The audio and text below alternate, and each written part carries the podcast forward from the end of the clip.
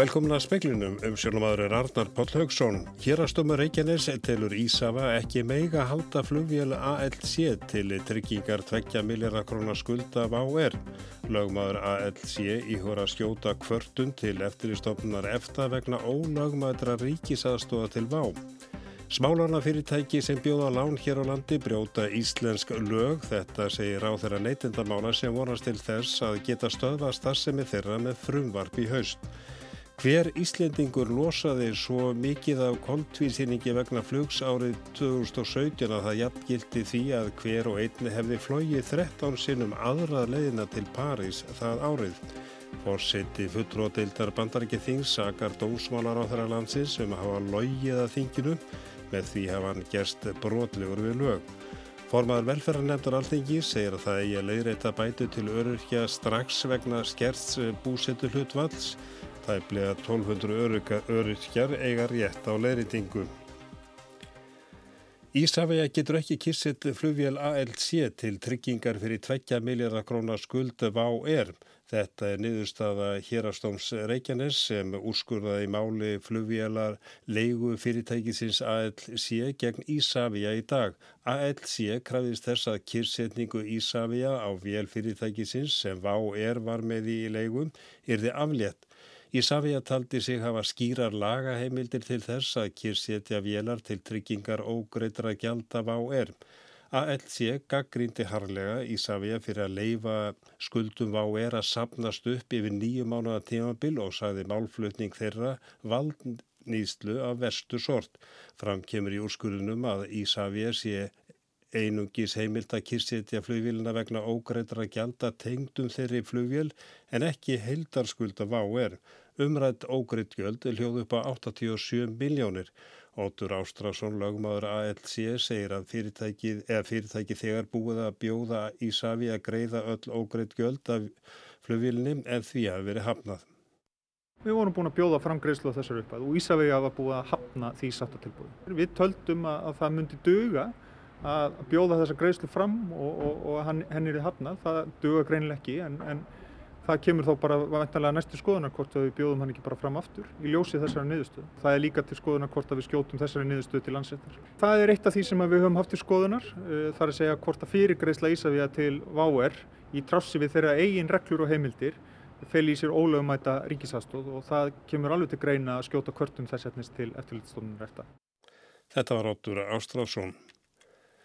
Þórtís Kolbrún er Gilvadóttir á þeirra neytendamála ætlar að leggja fram frumvarfi á alþingi haus sem hún vonar að veri til þess að stöðva starfsemi smálána fyrirtækja. Í kveika á þriðu dag var greint frá því að smálána fyrirtæki sem er með höfustöðar í Danmörku bjóði lán hér á landi sem brjóti báa við íslensk lög en ekki dönsk.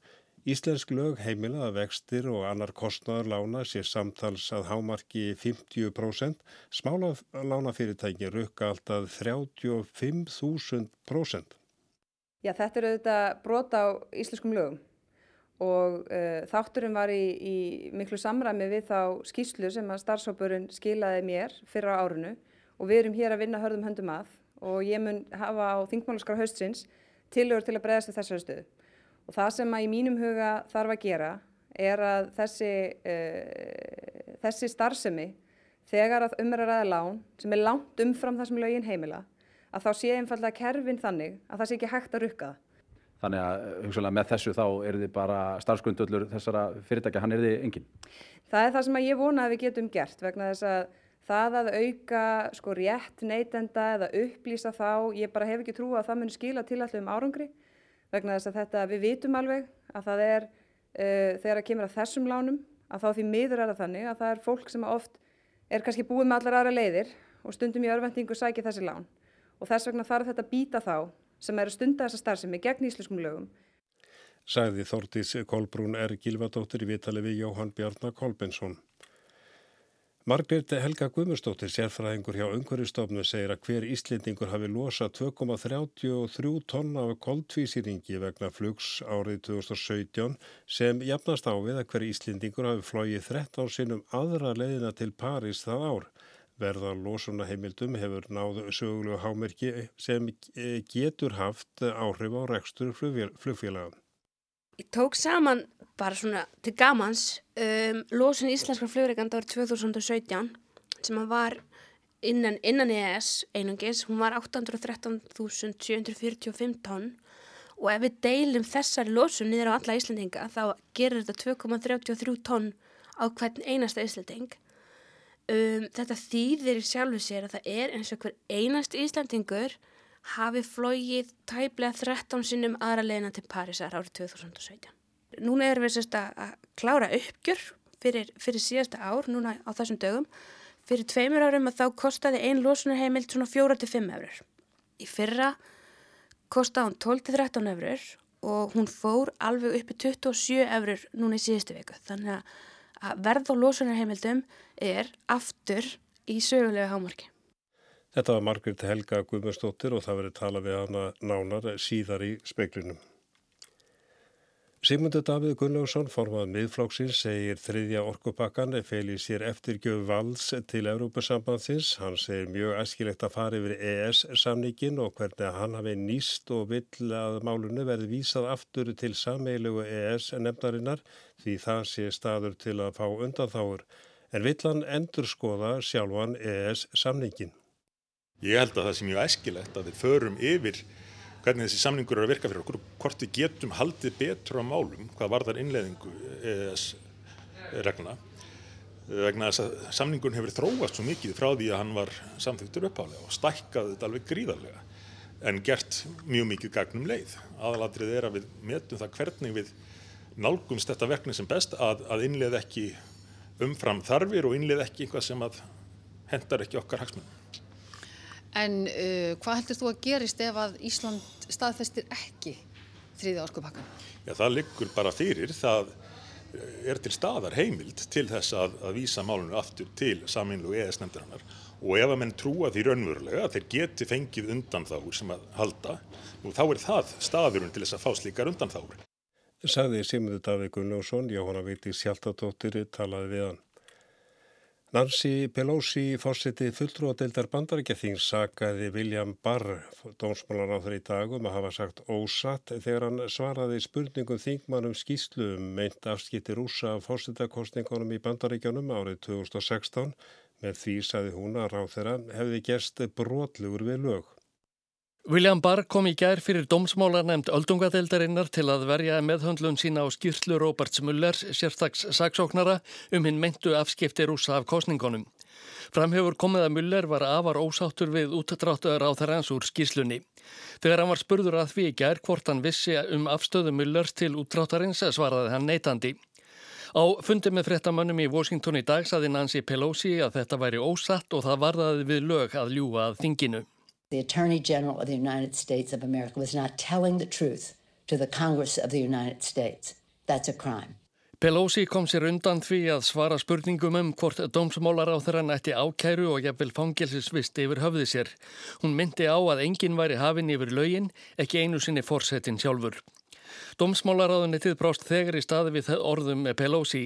Þessi árás hennar á ráðarann væri ófyrirleitin, óabyrg og ekki sannleikanum samkvæm.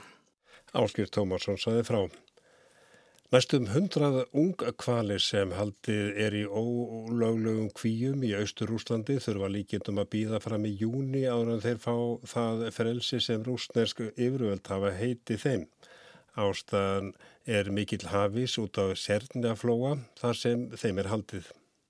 Rúslandstild náttúruvendarsamtakana Greenpeace fletti á hana því í oktober síðaslinum að 87 mjöldrum og 11 háhyrningum væri haldið fengnum næri hafnaborginni Nakotka við Srednæjaflóa, austur af Vladivostok. Er hvölunum haldið í allt of litlum kvíum sem líst hefur verið sem hvala fangelsi og hafa eigendur kvíjana verið ákjæði fyrir dýranýð og brot á rúsneskri fiskveðilögjöf. Í februar greindu rúsneski yfirvöld frá því að ákveði hefði verið að sleppa hvölunum.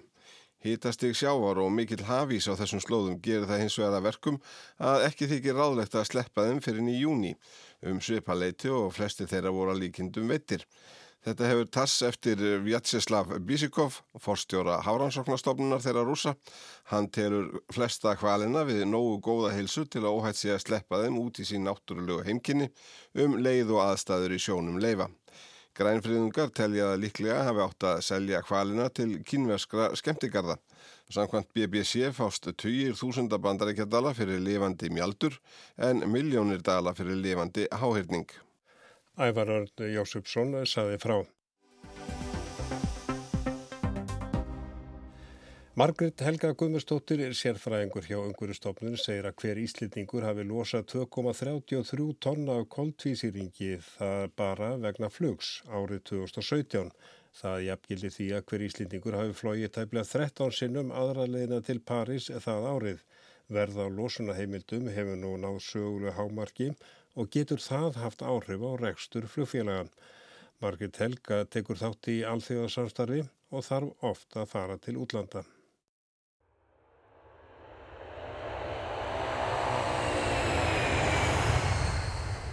Ég held að ég sé bara líka með flugvistkubitt eins og, eins og margir, margir aðrir. Þetta er svona eitthvað sem hefur aukist svolítið, svolítið hratt undanfarið og, og, og svona meðvindindin um, um losununa er búin að aukast mjög hratt núna fyrst mér.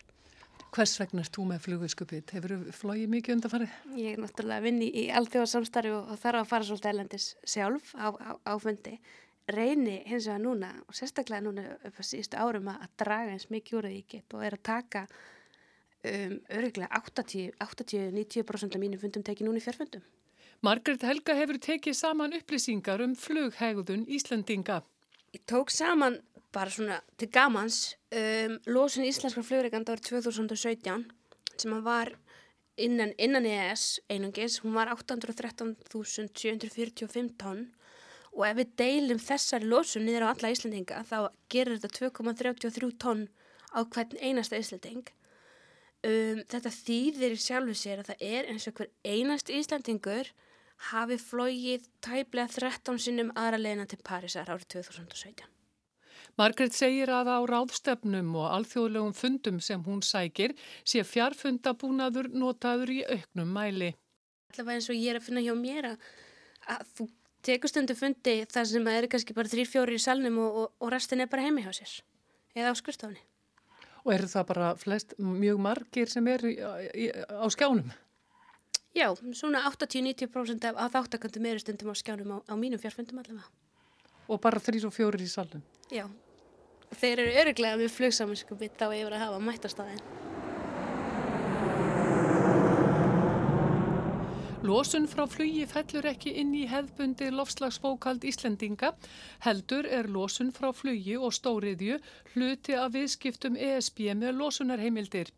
Kerfið er kallað ETS og þurfa þeir sem taka þátt í því að vakta alla losun og skila skýrslu til umhverfistofnunar um hana einu sinni á ári.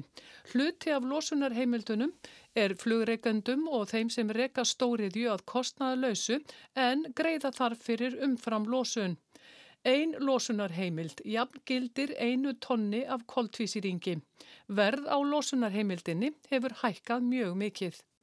Og núna er náttúrulega það unni markvistæði að minka, minka þar heimildir sem eru í bóði í kerfinu og eftirspurnin er náttúrulega aukast vegna þess að losunin er aukast þannig að verðið hefur verið að hækka ansi hratt núna undanfarið. Um, ég tek bara sem dæmi að fyrir, núna erum við sérst að klára uppgjör fyrir, fyrir síðasta ár, núna á þessum dögum.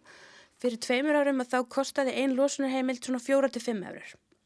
Í fyrra kostiði hún 12-13 eurur og hún fór alveg uppi 27 eurur núna í síðustu viku. Þannig að verð og losunarheimildum er aftur í sögulegu hámarki.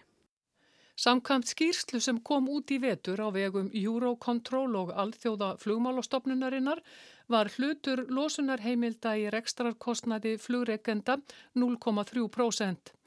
Gera megi ráð fyrir að sá hlutur fari vaksandi eftir því sem verðið hækkar. Mörg flugfélög hafa verið í rekstrarvanda undanfarið. Gætu þau farið á hausin út af kostnaði við losunarheimildir? Sko ég hef heyrt um írskan flugreikanda í, í vetur sem að fóra á hausin og vildi sérst meina að þetta væri eina af ástafunum. Um, þessi lágjaldafélag sem að hafa verið að auka losuninu svona mjög hratt undanfarin ár þurfa náttúrulega að kaupa meira og verði hækkar um, þannig að ég gæti trúa að verðalósunarheimildum hafi eitthvað að segja með það, einhver, einhver hluti í þessu já allavega. Alþjóðaflugmálastofnunin spáir því að fram til ársins 2050 gæti losun gróðrúsaloftegunda frá flugi aukist um 300 til 700 prósent. Stopnunin stefnir nú að því að koma á fót nýju alþjóðlegu viðskiptakerfi með losunarheimildir sem byggist á svipaðri hugmyndafræði og ETS-kerfið í Evrópu og gert er ráð fyrir því að kerfin verði sameinuð. Öllum ríkjum heims verður bóðið að taka þátt í nýju kerfi sem gengur undir nafninu Korsia. Núna hafa 79 ríki skuldbundi sig og þá eru við sérst að ná fleiri stórum ríkjum sem að vilja taka þátt í, í svona kerfi og til dæmis Ástralíu, Kanada, Japan og Bandaríkin, Tyrkland og, og Mexiko. Markmiðið með nýja kerfinu er að draga úr losun frá flugi eða koma í veg fyrir að losunin aukist eins mikið og spáð hefur verið. Um, og það er kannski svona verið að setja, setja þannig vermiða á, á koltisýringin og, og, hérna, og kannski þá reyna að stula því eins og ég segði að við náum þá kannski fjármagni í gegnum losunarheimildirnar sem við getum nota til þess að draga á losun í öðrum geirum. En ef þetta verður til dæmis svona dýrt eins og þetta er vaksandi, hækkandi verð, má það búast við því að verð á uh, flugmiðum hækki? Ég býstu því á. Vonast er til að Korsia leiði til þess að nýjir og umhverfisvætni orkugjafar verði notaðir eins og til dæmis lífeldsneiti því einungist þarf að greiða fyrir losum frá jarðefna eldsneiti. Sigurður Torlasjus, umhverfisverkfræðingur hjá Eblu og stjórnarmæður í samtökum ungra umhverfisinna, sagði í speklinum nýlega að markmið alþjóða flugmálastofnunarinnar um að dragur losun frá flugi væru mjög veik. Þau hefðu sett sér að draga úr losun um 50% fyrir 2050 sem sé alls ekki nóg. Það þurfa að leysa þessi mál fyrir 2030. Sko máli er náttúrulega með flugið að er, þetta er erfiðu geiri til þess að draga úr losun. Um, vegna þess að þróunin, hún, hún er miklu hægari, uh, vélarnar eru eldri og, og, hérna, og kannski tækni þróun ekki eins hröð og, og á jörðunni er þið um, auðvitað það sem við náttúrulega verðum að gera allra helst er að við þurfum að draga úr flugferðum og við þurfum aðeins að taka til, til okkar allra og þannig held ég að sé, sé besti möguleikin til að draga úr lósun.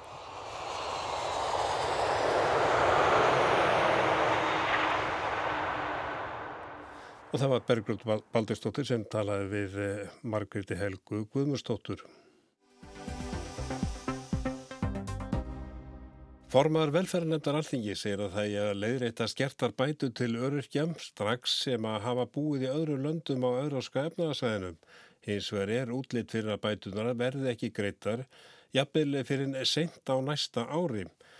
Þó umbásmaður alþingis hafi júni í fyrra komist að því að svo kallar búsetu skerðingar vegna örorku greiðsla til öryrkjam standist ekki lög var það ekki fyrir í desember 2018 sem velferðaráðnitið Nú félagsmálaráðneiti fól tryggingastofnun að endur reikna greiðstul til öryrkja sem höfðu fengið skertar greiðstul vegna búseti í öðru ES ríki. Þá strax var upplýst að 1025 manns gætu átt rétt á leirritningu, nýjar tölur benda til þess að tala sér aðeins herri eða um 1070 manns. Í brefi ráðunetti sinns til velferðarnemndar alþingis kom fram að stemt var að því að greiða fjögur ár aftur í tíman sem samanlagt gæti numið um tveimur miljörðum króna. Rökin fyrir að greiða aðeins fjögur ár voru studd með reglum um fyrningar. Öryrkjabandalagi telur hins vegar að leireta eigi tíu ár aftur í tíman eða frá þeim tíma sem bandalagi telur að byrja að hafa verið að skerða bætur vegna búsetu í öðru eða öðrum löndum. Þá hefur líka verið óljóstu hvort greislur drægist að langin vegna þess að ekki séu fjárheimildir fyrir greislunum, umali fjármálar á þeirra og félagsmálar á þeirra við að stangast á. Bjarni Bendisson, fjármálar á þeirra, svaraði því nokkuð skýrt vegna fyrirspurna 1. april síðastlið þegar Guðmundur Ingi Kristinsson spurði hann út í málið að það strandaði ekki á fjárheimildum. Hafi verið brotin réttur á fólki þá verður ekki spurt um það hvort að fjárheimildir séu til staðar til þess að leiðrétta það heldur uh, víkur ríkið sér ekkit undan því að uh, gera upp í samræmi við lög Þetta er bara eins og að ef að fellur dómur ríkjun í óhaga þá er bara máli gert upp. Og að staði líka þetta. Þetta mál strandar ekkert á fjárheimildum og uh, það gerist reglulega að ríkið uh, fær á sig kröfur sem að það þarf að standa undir sem ekki var gert ráð fyrir þær geta dæmis verið teknar af varasjóði og sá sjóður stendur á móti greiðslum sem þessum Eh, en við þurfum að fá botn í það hvað er rétt greiðsla. Hins vegar var annars svar sem Guðmundur Ingi fekk frá ásmundi einari daðarsinni félagsmálaráðra. Og við þurfum að afla okkur fjárheimilda fyrir þeim eða vera vissum að það rúmist innan þess fjárramma sem að ráðanitið hefur. Þetta er því miður sá rammi sem við höfum búið okkur í kringum fjárveitingarvald og framkvæmdavald og hvernig það starfar. En það er enginn uh, að segja að það verði ekki farið í þessa vinnu, heldur þurfum við að gera þetta með réttum hætti, bæði varðandi leiðréttingun og eins varðandi það að afla okkur fjárheimilda til þess. Á mánudag fekk Öryrkjabandalagi svar frá Tryggingastofnun um gangmálsins og þar sagði Aðgerra áallun likur fyrir en nýtt verklag hefur ekki tekið gildi þar sem stopnuninn býður fjárheimildar vegna breytrar framkvæmdar tilvitnu líkur. Hér er ekki verið að tala um fjárheimil til að sinna greiðslum heldur auka fjárheimil til að sinna verkinu sem gæti samkvæmt verkáallunni sem kynnt var í februar tekið nokkuð langan tíma. Í áallunni kemur fram meðal annars að hafa verið samband við tryggingarstofnanir í þeim löndum sem viðkomandi kann að hafa fengið greislur eða eigi rétt á greislum til að geta reiknað endanlega skerðingar upphæðina út. Það gæti tekið 6 til 18 mánuði. Það þýðir með öðrum orðum að svo geti farið að greislur berist ekki fyrir sent á næsta ári. Velferðarnemnd alþingis hefur óskað eftir öllum skriflegum samskiptum fjármála og félagsmálaráðnættisins til að reyna að glöggva sig á hvað sé rétt í málnu, hvað varðar fjárheimildir eða ekki fjárheimildir. Haldur á Móinsen formaður nefndarinnar segir að það er að leiðrætta skerðinguna strax. Mér finnst það að vera mjög fyrðilegt og í raun og veru fyrðilega afstæða hjá félags- og barnamálaráð þeirra að halda því fram að það þurfu eitthvað sérstakka fjárheimil til þess að byrja að greiða örorkulífeyristegum rétt til framtíðar þegar um umræða skildu samkvæmt lögum. Þú veist, það þarf ekki fjárheimild og fjármálaráð þeirra hefur sagt það mjög skýrt í sínum svörum og undirbúnum fyrirspurnum. Uh, þetta er eina ástæðan fyrir því að velferðanemnd vildi senda fyrirspurn á ráðunettið og byggja um öll skriflega samskipti á milli fjármálaráðunettisins, félagsmálaráðunettisins og tryggingarstofnunar til þess að reyna að komast að því hvaðan þetta er að koma í raun og veru út af því að nú tala báður sér á þeirra bara um, já, skjön við hvort annan, þeir eru ekkert að, er að segja sama hlutin. Samkvæmt sögurum eh, tryggingarstofnar mun útreikningar á leiritum bótum taka nokkuð langan tíma, leita þurfi eins á þessir upplýsingi útlöndum og rekna út og loks hefur viðkomandi andmæla rétt. Haldóra segir að könnun á réttindum Erlendis eigi ekki að stöðva leiðréttinguna hér heima. Tryggingarstofnum allar upplýsingar sem þau þurfa til þess að geta greitt samkvæmt lögum. Þeir eru með upplýsingar um búsettu, þeir eru með kennitölur, þeir eru með gildistíma allra örorkumata, þeir eru með uh, hérna, skattframtöl og staðgreifslusgrá og, og allt sem þeir þurfa. Og ef að í einhverjum tilfellum að það er ofgreitt, að þá á bara að gera það upp eftir á eins og tíðkast í svona málum. Þannig að hérna, bara fyrst og fremst þetta er á ábyrð um, ráðunitisins og ríkistjórnarinnar að þarna hafa orðið mistök í hvernig er búið að búsetu skerða þessa einstaklinga og þessir einstaklingar er ekki að þurfa að gjalda fyrir það með því að þurfa að býða í eitt, tvö fleiri ár eftir leiðréttingum á, á sínum greiðslum. Það, þetta er bara eitthvað sem á leiðrétta núna og mögulega þarf að gera upp eftir á, ég veit ekki, en við látum ekki uh, kannanir á réttindum erlendi stöðva þetta ferli. Það bara stennst ekki skoðun. Og það er líka ágreiningur um afturvirkni leiðréttingarinnar? Það er engin lagaleg skilda að láta þetta fyrnast. Veist, það, það að greiða fjögur ára eftir tíman er bara pólitísk ákvörðun ráð þeirra. Það er ekkert sem segir að hann þurfa að gera það. Hann getur alveg greitt tíu ára eftir tíman ef hann kýsa að gera svo. En þetta verðist vera ákvörðun ráð þeirra og ég er alls ekki sammála því. Ég, ef það er búið að vera að greiða lífeyristögum í trássu lög, þá á bara að gera það upp eins langt aftur í tíman og þarf að fara. En megin aðrið er það að þér finnst þetta dragast óhóflega á langin að það var hægt að gera þetta mun skemmri tíma. Ég tel það tvímælilegst að það væri hægt að gera þetta á skemmri tíma og mér, mér þykir leitt hversu misvísandi upplýsingar er að koma frá fjármálaráðara og félagsmálaráðara í þessu máli og hérna það er svona fyrst og fremst ætlunin mín með því að senda þessa fyrirspurn eða byggja með þessari upplýsingar er að komast að því uh, hvaðan er þessi skilabóð raunverulega að koma? Hver er að taka þessa ákverðin um að býða með þetta? Þetta var Haldur á Móisen.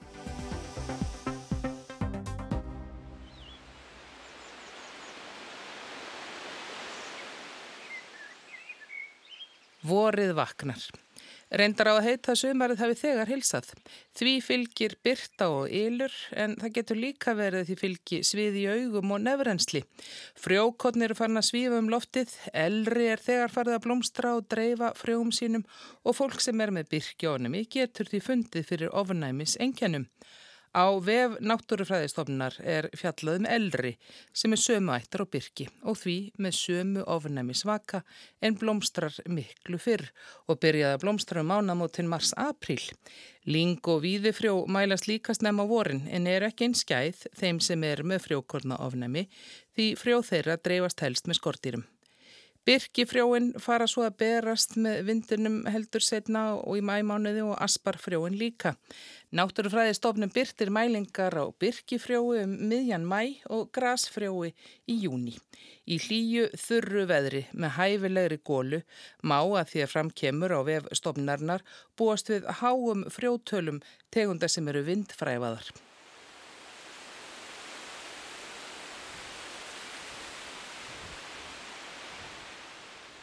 Fólki sem er með frjókotna ofnæmi er aðlagt að forðast að vera utandira þar sem mikið er af byrki og óslegnu grasi, sérstaklega snemma morguns og setnipar dags því þá dreifir gras helst frjóum sínum og ekki þurka þótt úti, lokaðu glukkanum, sláðu grasi að hann blóngast, skiptum fött og þóðu hár eftir að veri nærri frjódreifingu og taktu svo lífað læknisráði ef þau er á.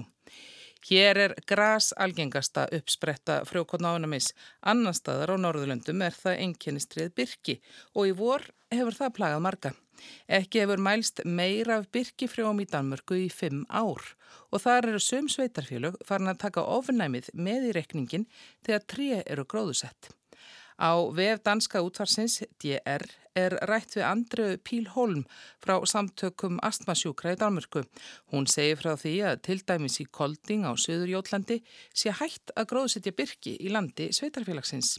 Hún játar því að það sé erfitt að setja frjóinu mörg og megni af því sem dananum svíður undan kemur yfir landamærin. En þrátt fyrir það segir hún er tákrænmerking í því að hætta að gróðusetja byrki og almenningur skuli þá líka hugað ofnæmisvöldum í görðum sínum. Í fyrrnemndri kolding er ekki nema tíunda hvert byrkitri á landi sem er í eigu sveitafélagsins.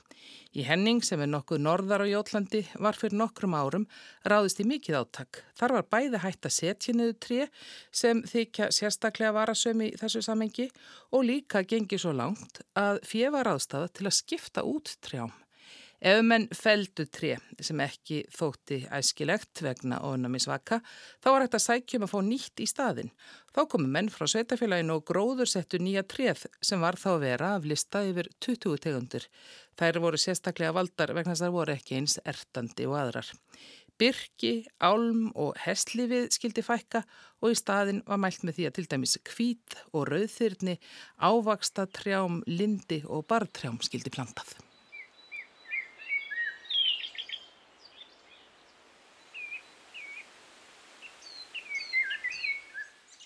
Og það var Anna-Kristi Jónsdóttir sem saði frá, en það var allra helst í speiklunum í kvöld að hérastómur Reykjanes telur Ísafeia ekki mega halda flugvél ALC til tryggingar 2 miljardar krónar skulda af áer, lögmaður ALC í hvora skjóta kvörtum til eftirlistofnunar efta vegna ólögmaðrar ríkis aðstóðar til vá.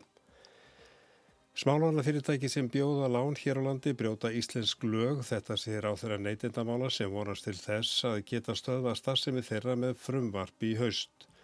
Hver Íslendingu losaði svo mikið á koltvísýringi vegna flugs árið 2017 að það jafngildi því að hver og einn hefði flogið 13 sinum aðra leina til París það árið. En það er ekki fleira í spögnum kvöld. Tæknumar var Jón Þór Helgarsson. Verðið sæl.